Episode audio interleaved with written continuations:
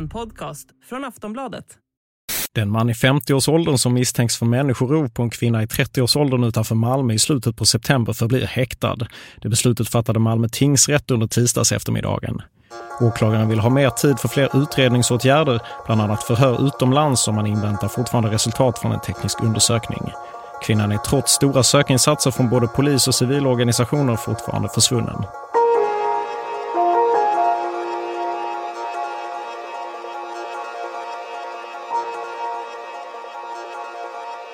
Fallet med den försvunna kvinnan var ett mysterium, men hennes släkt anade vad som hade hänt. Hon hade berättat för dem hur hon blivit slagen upprepade gånger av sin nye man och gjort en anmälan till polisen. Och helt nyligen hade hon också begärt skilsmässa. När flera av hennes tillhörigheter hittades i ett skogsområde började detaljerna klarna. Hon hade blivit mördad. Det här är fallet Beata ett avsnitt av podden Aftonbladet Krim. Jag heter Anders Johansson.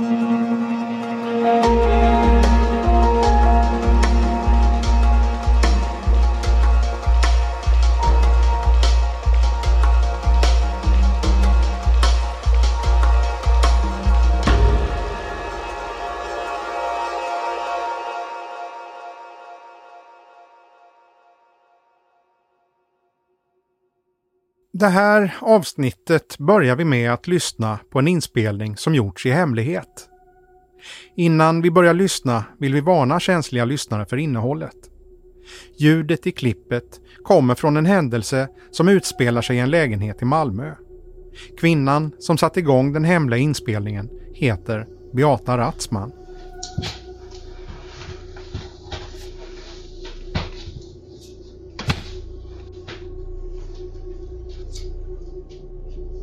Det är dagen före julafton 2020. Under de första sekunderna av inspelningen är det lite otydligt. Sen hörs en man som pratar på polska. Även om man inte förstår språket är det tydligt att han är arg.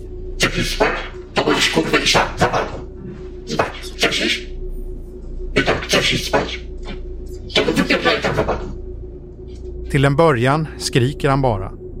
Grova svordomar riktade mot kvinnan. Han fortsätter höja rösten.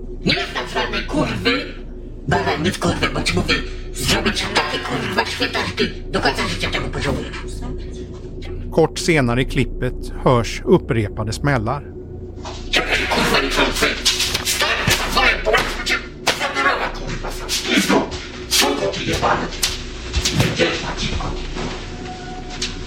En stund senare hörs en kvinna gråta.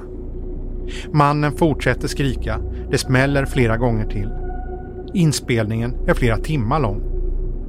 Några gånger är det tyst en längre tid, sen börjar det igen. Grova svordomar, slag och en kvinna som gråter.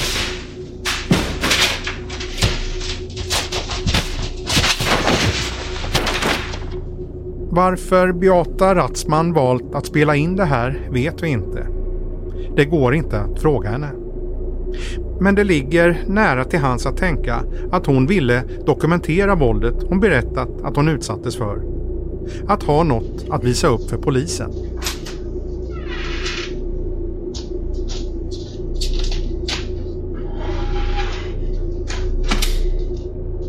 Materialet skulle också så småningom hamna hos rättsväsendet som ett bevis. I mitten av augusti 2021, åtta månader efter den misstänkta inspelade misshandeln, går Beata Ratzman till polisen och anmäler sin man för flera fall av misshandel. Mindre än två månader senare, den 25 september, inkommer en ny polisanmälan som rör Beata Ratzman. Då handlar det om att hon är spårlöst försvunnen.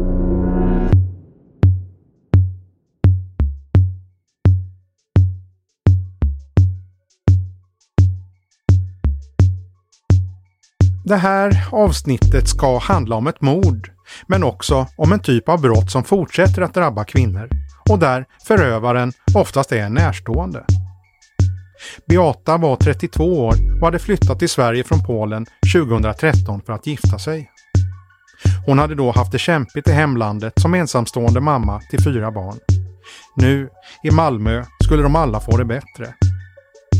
Beata började jobba som städerska och fick snart barn igen med sin nya make, en 17 år äldre landsman.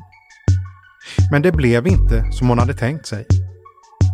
Det är en historia som börjar med en önskan om ett bättre liv, men som slutar i en rättssal i Malmö.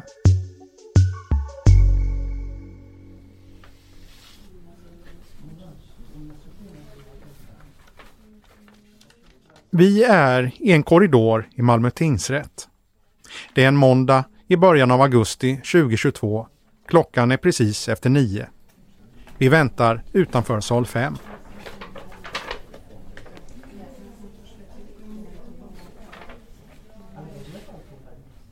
Utanför salen väntar en skara människor. Några som tycks vara anhöriga, några andra som jobbar för polisen samt en liten grupp journalister.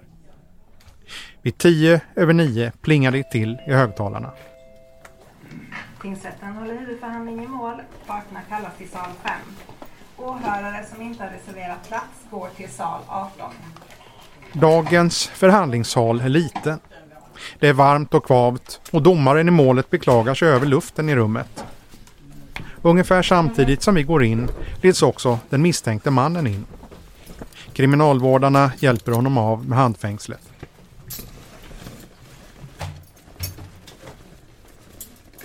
Den misstänkte mannen sätter sig ner några meter från oss som sitter på åhörarplats. Han är klädd i svarta byxor, svart tröja och vita sneakers. Han har oklippt och lite ovårdat hår och kastar en snabb blick mot besökarna i salen innan han vänder sig mot åklagaren. Som man eh, möjligen kunde höra på påhoppet så kan man som åhörare få med den här rättegången från sal 18. Eh, jag hoppas att det är fler av dem som går fler därifrån. Så att om man tycker det är trångt i den här salen efter att alla kommit till rätta börjar åklagaren räkna upp de åtalspunkter som det här fallet handlar om. Fyra stycken, allt som allt. Misshandel, grovt barnfridsbrott, brott mot griftefrid och mord.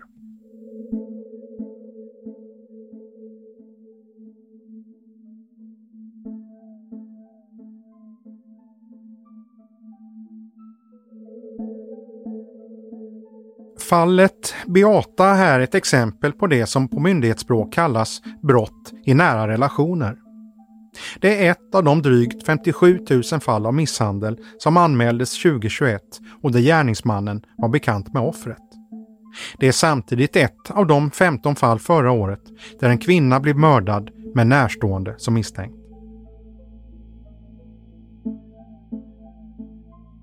Historien börjar när Beata Ratzman går in på Rättscentrum i Malmö i mitten av augusti 2021. Hon gör det för att anmäla sin dåvarande make.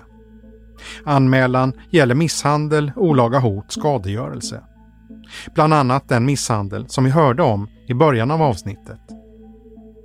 Åklagare Kristina Amilon berättar. Eh, och med anledning av den så inleds en utredning hos socialtjänsten.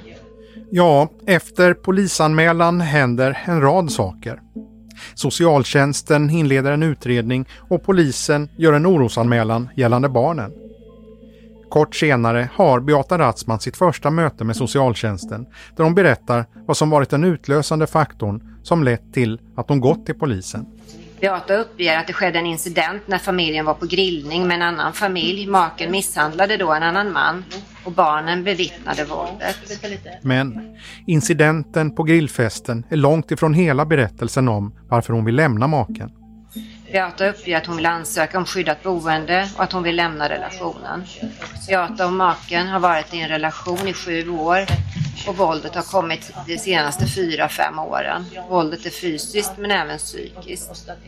Barnen har bevittnat våldet och den yngste sonen har uppgett i skolan att han har sett mamma med ett blåmärke. Beata utvecklar.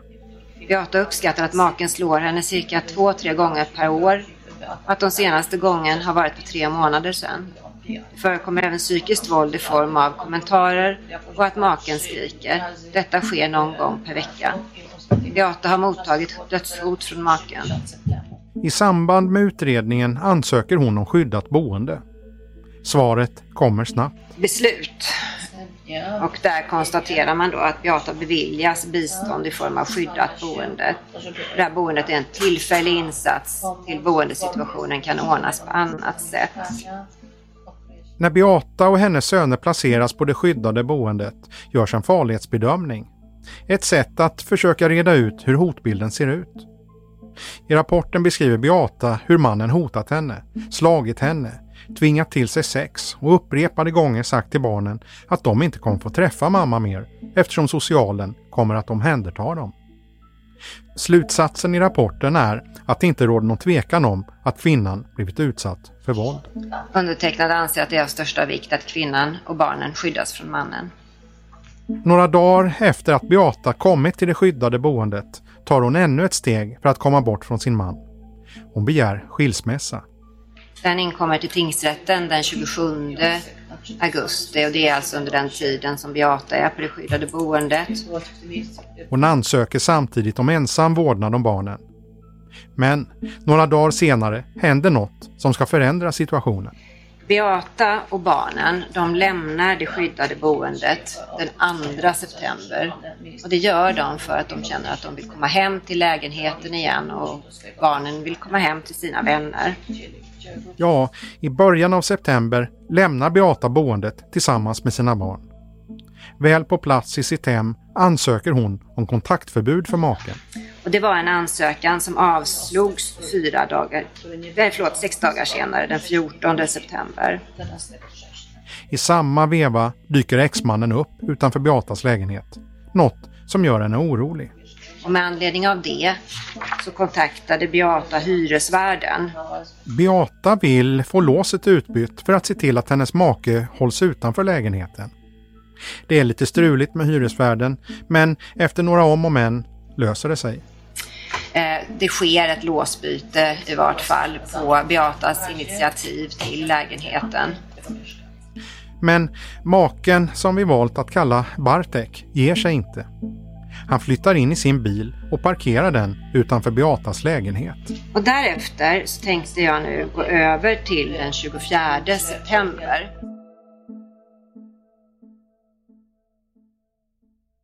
Den 24 september 2021 är en fredag.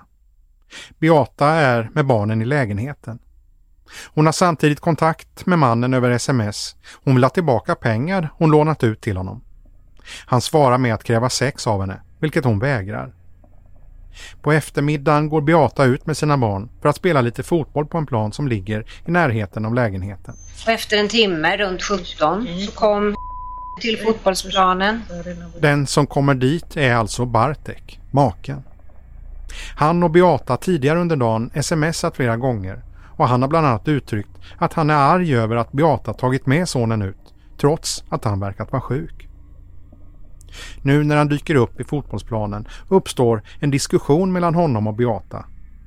Det hela slutar med att Bartek tar med sig sonen, sätter sig i bilen och kör därifrån. Eh, och sen kör man till Rättscentrum i Malmö.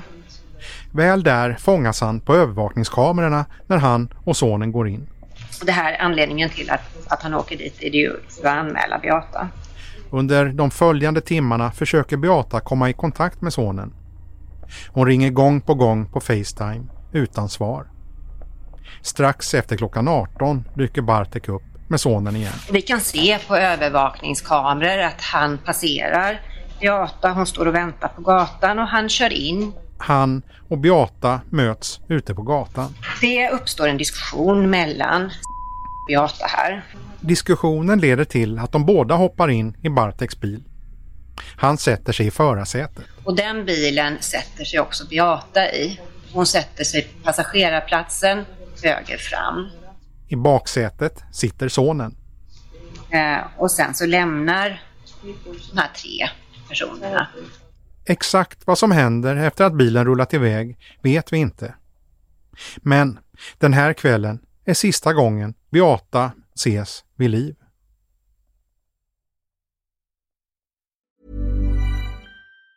Say hello to a new era of mental health care.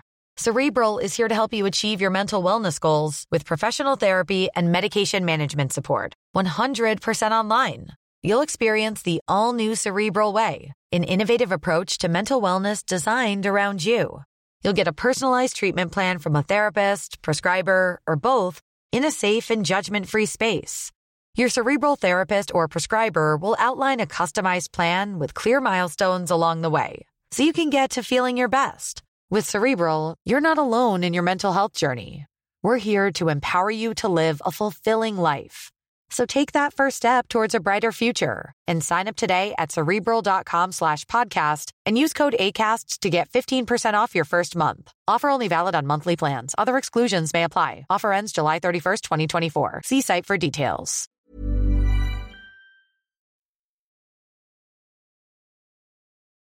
Vi ska återvända till fallet Beata snart.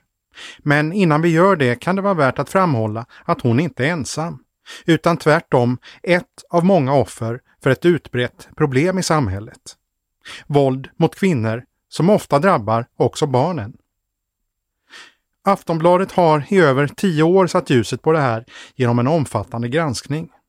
Linda Hjertén är en av reportrarna som arbetat med granskningen. Ja, det här är en granskning som vi har eh, hållit på med nu i över tio års tid, där vi har gått tillbaka till början av år 2000 för att liksom titta på de här fallen. För det har funnits en historik, både i media och i samhället i stort, att den här formen av brott har varit liksom, ja det är familjebråk, det är inom relation, så att det är som att det inte riktigt li betyder lika mycket då. Eh, vilket det ju visst gör. Så tanken med den här granskningen har ju varit att försöka hitta liksom strukturella problem. Eh, finns det några gemensamma nämnare mellan gärningsmännen? Finns det varningssignaler som samhället borde ta mer på allvar? Och den här granskningen har ju visat att vi har fortfarande jättemycket kvar att göra där. Granskningen som kallas Dödade kvinnor pågår kontinuerligt och har lett till att några tydliga bilder utkristalliserat sig. Den har visat att så gott som vilken kvinna som helst kan råka ut för en eh, våldsam och kontrollerande partner. Men man kan se ganska många likheter mellan männen. Eh, det är I majoriteten av fallen så finns det någon form av psykisk ohälsa i bakgrunden. Eh, man kanske har sökt hjälp som man då för sömnproblem eller depression. Det är inte sällan att man har ett missbruk av något slag, alkohol är vanligast. Och sen så handlar det ofta om en typ av män som har väldigt svårt för konkurrens. Eh, ibland kan man se att de till och med känner konkurrens från de egna barnen. Eh, att ett, eh, en graviditet eller liksom ett, ett nyförlöst barn till och med kan vara liksom den utlösande faktorn. Eh, I vissa fall är de till och med avundsjuka eller svartsjuka på husdjuren. Det finns någon form av liksom kontrollbehov och en enorm skräck över att bli lämnad hos en del av de här männen. Eh, men det går absolut inte att dra alla över en och samma kam. Det är inte så att alla män eh, är eller ens kan bli mördare. Men det finns väldigt många riskfaktorer som ändå är viktigt för samhället att känna till. När hörde du första gången talas om Beata Ratzman? Ja, det var faktiskt i samband med att hon försvann. Eh, det här gick ut ganska stort då att en eh, ung fembarnsmamma var spårlöst försvunnen.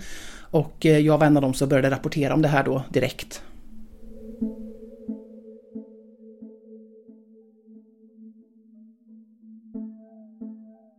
De första tecknen på att någonting har hänt Beata Ratzman kommer sent på kvällen den 24 september. Då kommer Bartek tillbaka hem med sonen, som då är sju år. Beata är borta. Han lämnar sonen hos de äldre syskonen och åker iväg igen. Efter ett tag går syskonskaran hem till en vän till Beata och hon anar oråd när barnen berättar att mamma är försvunnen. Kort senare ger sig vännen ut för att leta efter Beata. Men hon hittar henne inte och återvänder hem. Några timmar senare kommer Bartek tillbaka igen. Han parkerar bilen utanför lägenheten och ringer upp till några andra grannar i huset. Han ber dem att släppa in honom i lägenheten. När han kommer upp så ber han om att få låna badrummet. Båda har i förhör berättat att de reagerade över att det spolades kraftigt i, eh, med vatten. Sen dricker de lite te tillsammans innan Bartek går ner till sin bil som är parkerad på gatan. Han lägger sig där och sover. Samtidigt har vännen till Beata blivit så pass orolig att hon ringt polisen. De bestämmer sig för att åka ut till hennes adress. När de går in i Beata Ratzmans lägenhet ser de blodstänk på väggen i sovrummet. De går ner på gatan igen och hittar Bartek som sover i bilen. Klockan 02.10 den 25 september så greps. Då låg han och sov eh, i passagerarsätet i Suzukin. När han grips är han misstänkt för människorov. Det är flera saker som lett till gripandet. Blodstänken i lägenheten, att Beata Ratzmans telefon placerat henne i ett skogsområde och sen stängts av. Att sonen gråtit under natten och sagt att han tror att pappa lämnat mamma i skogen. Men Beata är fortfarande spårlöst försvunnen. En dag senare görs ett första fynd. Åklagare Kristina Amilon. Väskan, eh, den svarta väskan, den hittar en 12-årig pojke när han är ute och leker i eh, hamnområdet i Ystad. I väskan hittas Beata Ratzmans körkort. Ytterligare en dag senare, den 27 september, når fallet medierna. P4 Malmöhus rapporterar. En man i 50-årsåldern har anhållits misstänkt för människorov efter att en kvinna i 30-årsåldern försvann från Oxie i Malmö strax efter midnatt i lördags. Samma dag som nyheten når medierna hittas en huva i ett skogsparti i Oxie. Huvan bedöms ha suttit fast i en jacka och på huvan hittas blod. Den, den hittar man på Vångavägen som då ligger i den ligger på en golfbana i Oxie i nära anslutning till det här rekreationsområdet som jag nämnde då. Dagen efter, den 28 september, så häktas Bartek. Det är en man i 50-årsåldern som misstänks för människorov på en kvinna i 30-årsåldern i Malmö under helgen har nu häktats här på Malmö tingsrätt. Kvinnan anmäldes försvunnen i helgen och en stor sökinsats med helikopter och hund pågår i Oxie utanför Malmö. Sökinsatser fortsätter därefter, men utan framgång. Missing People kopplas in. Den kvinna som försvann i Oxie har fortfarande inte hittats och i eftermiddag ska Missing People genomföra en sökinsats. Den 6 oktober omhäktas Bartek. Den man i 50-årsåldern som misstänks för människorov på en kvinna i 30-årsåldern utanför Malmö i slutet på september häktas i ytterligare två veckor. Det beslutade man här på Malmö tingsrätt nu på tisdags eftermiddagen. Under oktober växer bevisningen mot mannen. Teknikerna hittar Beata Ratzmans blod på hans skor, i hans bil, på hans byxor, under hans naglar. Analyser visar att telefonerna kopplar upp i närheten av platsen där Beata tros ha försvunnit. Bartek har inledningsvis inga förklaringar. Men han ändrar sig gång på gång i förhören, allt eftersom fler bevis presenterats. Under en period hävdar han att Beata träffat tre okända män i skogen att de kanske misshandlat henne och att han åkt därifrån för att rädda deras barn. Förhörsledarna påpekar flera gånger att Bartek ändrat sin historia. Till slut, den 19 november, berättar han att han grävt ner henne och pekar ut platsen. Den 24 november, två månader efter mordet, bekräftar polisen att det är Beata som har hittats. Under gårdagen blev identifieringen av den avlidne klar och igår kväll så underrättades anhöriga om att kvinnan nu är identifierad. När hon hittas finns en rättsläkare på platsen. Han, eh, man kunde konstatera att hon har en större sårskada på halsen. Att den då var orsakad av ett äggfast föremål. Efter fyndet fortsätter utredningen fram till juli 2022 när åklagaren väcker åtal. 32-åriga Beata Ratzman försvann och hittades senare död i ett skogsparti förra året. Nu åtalas hennes exman vid Malmö tingsrätt.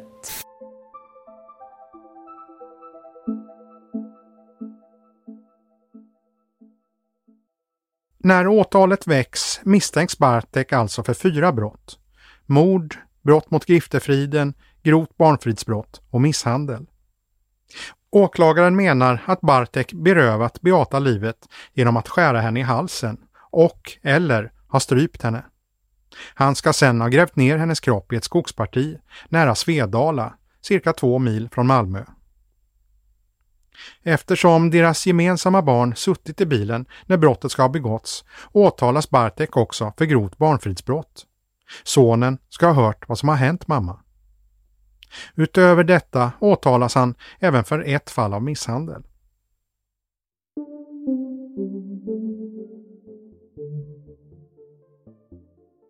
Barteks inställning till brotten varierar beroende på när man frågar honom.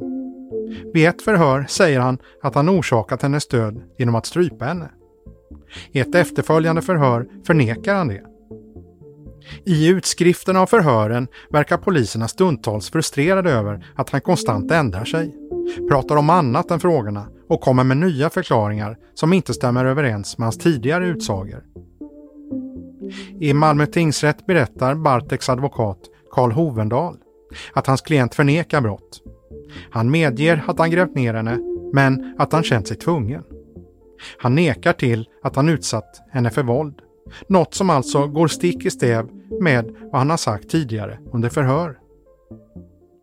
Sydsvenskan rapporterar att Bartek berättat i rätten att Beata träffat några okända män i ett skogsområde utanför Svedala. Bartek ska sedan ha lämnat platsen. När han kommer tillbaka tvingades han gräva en grop. En grop som männen sen ska ha slängt ner Beata i. En i stora drag ny historia. När det här avsnittet spelas in har någon dom ännu inte fallit. Bartek har visserligen medgett vissa delar av händelseförloppet, men han har också ändrat sig flera gånger i efterhand. Han är ännu inte dömd och ska därmed betraktas som oskyldig.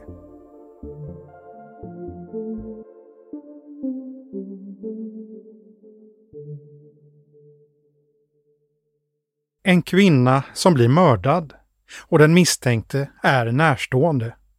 Ännu en tragisk siffra i statistiken. Fallet Beata liknar på många sätt det typiska kvinnomordet, menar Linda Hjertén, Aftonbladets reporter som vi pratade med tidigare. Det är på många sätt en, eh, en, en läskig karbonkopia av hur många av de här morden faktiskt ser ut. Eh, Beata hade eh, redan anmält den här mannen då för misshandel. Hon hade även dokumenterat sina skador och börjat berätta för familj och vänner att eh, relationen var våldsam.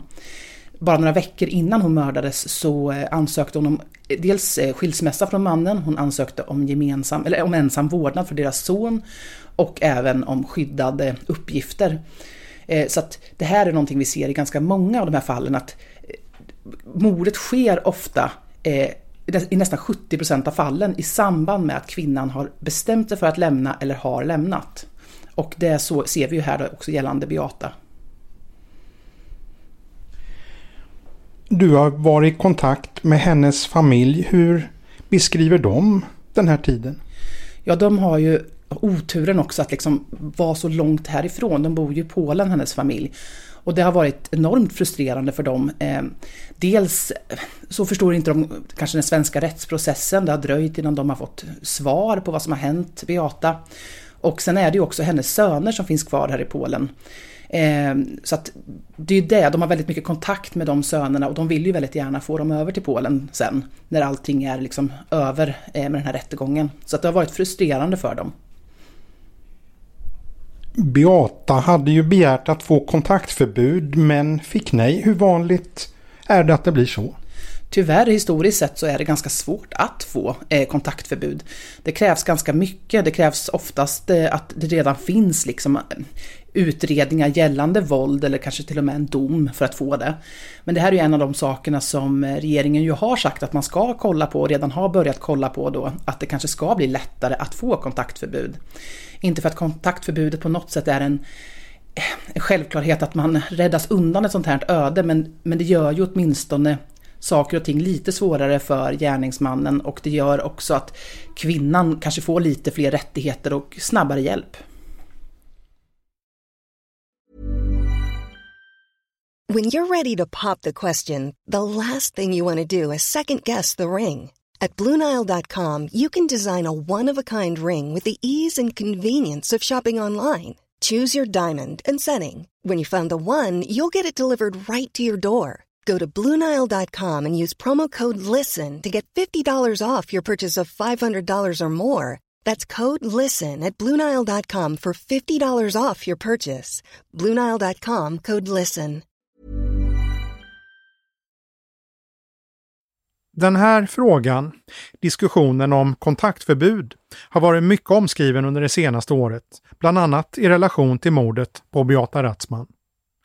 När kritiker vill peka på svagheter i samhällets arbete med våldsutsatta kvinnor är kontaktförbudet återkommande. Men det finns flera saker som brister, enligt kritikerna. Riksförbundet Unison är en röst som ofta hörs i debatten om mäns våld mot kvinnor. De samlar över 130 kvinnojourer och ungdomsjourer som arbetar för ett jämställt samhälle fritt från våld. Hallå, Olga Persson. Olga Persson är förbundsordförande. Hon framhåller att det handlar om ett omfattande samhällsproblem som aldrig tycks minska. Eh, och man brukar säga att en av tre, en av fyra kvinnor i världen har varit utsatta för våld av en manlig partner i en relation. Så det är ju ett enormt samhällsproblem som kostar samhället miljardbelopp varje år i Sverige. Olga Persson utvecklar hur våldet drabbar de utsatta kvinnorna rent konkret. Och vi vet, med all den kunskap vi har i Sverige idag så vet vi ju framför allt att våldet skapar eh, fysiska men förstås, men också psykiska men under en väldigt lång tid. Så det är i det akuta skedet att kvinnor behöver lämna sina hem. De blir per definition bostadslösa när den våldsutövande mannen får bo kvar. Eh, mannen får ofta också umgängesrätt med gemensamma barn, så våldet kan fortsätta, det så kallade eftervåldet. Men sen vet vi också att det genererar problem under en hel livstid. Alltså de här barnen som växer upp med våld eh, är ju också de barnen som riskerar mest att både bli utsatta för våld i vuxen ålder men också sen att utöva våld mot sina egna partners och det gäller såklart främst pojkar då. Så att det får ju en enorma konsekvenser på individnivå, både fysiskt och psykiskt och ekonomiskt, men sen också på samhällsnivå. Vi vet också att den här gruppen kvinnor är sjukskrivna mycket oftare än andra eh, och man förlorar ju då såklart inkomst eh, och pengar och får lägre pension. Så det påverkar livets alla olika delar. Inte bara kanske det fysiska våldet som många tänker på, att man då får fysiska skador. Frågan om våld mot kvinnor lyfts av samtliga riksdagspartier. Och partiernas lösningar ser olika ut. Vissa pekar på långsiktig finansiering av tjej och kvinnojourer. Andra vill se utökad användning av fotboja vid kontaktförbud. Nästan alla vill se skärpta straff. En fråga som ofta kommer upp i samband med diskussionen om mäns våld mot kvinnor är den om hedersförtryck och hur kultur kan spela in i våldet. Hur viktigt är det här? Vi hör Olga Persson igen. Jag tänker att mäns våld mot kvinnor finns ju i alla kända kulturer över hela världen. Alltså inom alla religioner, inom fattiga länder, inom rika länder. Eh, och det finns i alla samhällsklasser. Det vet vi. Men vi vet ju också såklart att det finns individuella riskfaktorer hos män som man också måste ta hänsyn till. Till exempel ett liksom missbruk eller psykisk ohälsa kopplat då till kulturella normer för maskulinitet. Alltså att man har rätt att utöva makt och kontroll, man har rätt att få som man vill, man har rätt att bestämma över familjen. Och då spelar det ju såklart jättestor roll hur den kulturella kontexten ser ut i det landet du bor. Alltså om kvinnor inte eh, får ärva, om kvinnor inte får rösta, om kvinnor inte får utbilda sig. Eh, det finns ju många länder i världen där det är så. Då spelar ju det såklart jättestor roll för kvinnans möjlighet att kunna skapa ett liv fritt från våld självständigt. Så det, det är ju inte det är ju inte någonting som är positivt så att säga för kvinnor att leva i kulturer där det är en väldigt stark hederskontroll och ett hedersförtryck av kvinnor och barn. Men vi ser ju också tyvärr att, att det inte liksom är hela lösningen på problemet utan att det fortfarande finns en väldigt dominant eh, machokultur som finns i alla världens länder. Och där tror jag att man lägger ihop, liksom, man måste kunna se helheten i de här frågorna. Att det alltid, och man får aldrig glömma själva liksom könshierarkidiskussionen. Att det här handlar i de allra flesta fallen om då mäns våld mot kvinnor och barn. Och det gör det i alla världens länder. Just det. Och nu i tider när, när vi är på upploppet inför valet här, ibland så sägs det att det här är ett importerat problem. Vad säger ni om det? Alltså det är det ju definitivt inte utan vi har ju haft mäns våld mot kvinnor i Sverige under all tid som vi känner till och tyvärr så fortsätter ju eh, det här våldet då med, alltså utan att minska och det är väl någonting som vi faktiskt måste titta närmare på. Att vad beror det på? Att generation efter generation av män och killar fortsätter att utöva makt och kontroll och utöva våld mot kvinnor som de har relationer med. Varför har inga insatser faktiskt en verklig effekt? När Unison ska rangordna de tre viktigaste åtgärderna för att minska våldet mot kvinnor hamnar indragen umgängesrätt för pappor som varit våldsamma högst. Vissa papper har förbrukat sin rätt att vara vårdnadshavare, säger Olga Persson. Bostadsfrågan är det andra Unison vill lyfta fram som viktigast. Hjälp med en mer långsiktig ny bostad för den utsatta kvinnan så att hon slipper flytta tillbaka till förövaren eller till en adress som han känner till. Eller flytta runt mellan vandrarhem och bostadshotell. Som det tredje viktigaste nämner Olga Persson arbetet med vad hon betecknar som det sexualiserade våldet, som är starkt kopplat till våldet i nära relationer. Att våga diskutera hur pornografins könsroller påverkar barn och unga idag. För det första så måste man våga eh, så att säga dekonstruera de här bilderna och sätta ord på dem när kvinnor stryps och spottas på och kallas hora och fitta och sådär och det är fem killar på en tjej och det, man behöver liksom förstå att är man 12 år och ser det här i sin mobil så påverkas du ju av det. Eh, att är det så här det liksom ska vara i en ömsesidig sexualitet och varför visar man, varför är det här så populärt liksom? Det måste ju vara jättesvårt för en 12-årig kille att förstå det. Samtidigt som då kanske mamma och pappa säger att det är viktigt att man är schysst mot tjejer och ja, sådär, att det är viktigt med kärlek. Så jag tror att både prata om det eh, jättemycket i skolan, eh, också inom idrottsrörelsen, visa att det här är liksom porrfria miljöer för barn och unga. Och sen så måste också de här stora eh, porrföretagen på internet ta sitt ansvar för att inte leverera de här bilderna till barn. Och gör de inte det så tycker inte jag att de ska liksom få verka fritt på nätet. Så först och främst är det ju de här företagen som behöver hållas ansvariga för den skada som de, som de gör och då krävs det ju lagstiftning såklart, helst på EU-nivå så att det blir liksom en, en samlad eh, en harmoniserad lagstiftning inom hela EU eftersom internet är ju globalt. Men jag tror att framför allt så behöver vuxna män ta ställning mot det här och förklara att det här, jag tänder inte på förnedring. Det kan ju liksom räcka med att säga det till sin son till exempel. Så att man åtminstone slår in en liten kil i det här väldigt massiva sexismen som ju ändå både populärkulturen och pornografin idag står för.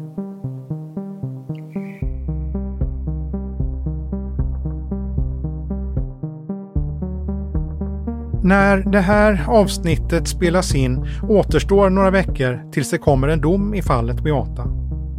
Men oavsett hur fallet slutar rättsligt finns det vissa saker som aldrig kan förändras. Beata Ratzman är död. Hon lämnar efter sig familj och vänner. Fem barn har förlorat sin mamma och en mamma har förlorat sin dotter. Trots en mängd allvarliga varningssignaler kunde mordet inte förhindras. Går det att förhindra den här typen av mord? Linda Hjertén, som mött många anhöriga till kvinnor som fallit offer, tror det. Hon framhåller att vi alla behöver göra mer för att minska våldet mot kvinnor och barn. Inte minst att vara mer uppmärksam på människor omkring oss som verkar må dåligt. Alltså om jag tittar till min egen del eh, och bortser från min journalistiska roll så tror jag att jag också som medmänniska skulle kunna bli mycket bättre på att liksom uppmärksamma människor som kanske inte mår så bra. Det är, det är jag faktiskt jättedålig på. Eh, och att våga fråga. Ehm, jag tror att det är jätte, jätteviktigt och det kan vara jättehemskt om man misstänker att ens vän blir misshandlad av sin partner. Det kan ju vara fruktansvärt svårt att fråga och det kan också vara så att den här vänskapen kommer ta slut för att du frågar eller ställer krav. Men jag tror ändå vi måste våga göra det.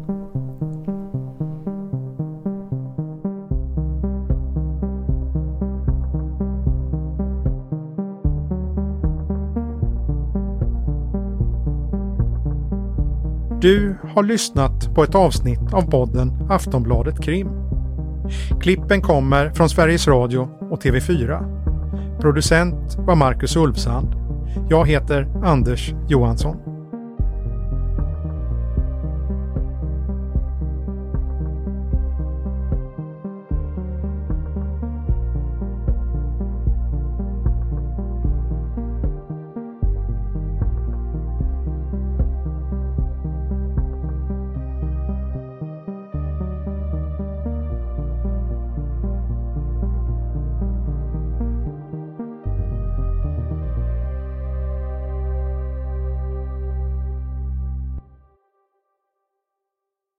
Du har lyssnat på en podcast från Aftonbladet. Ansvarig utgivare är Lena K Samuelsson.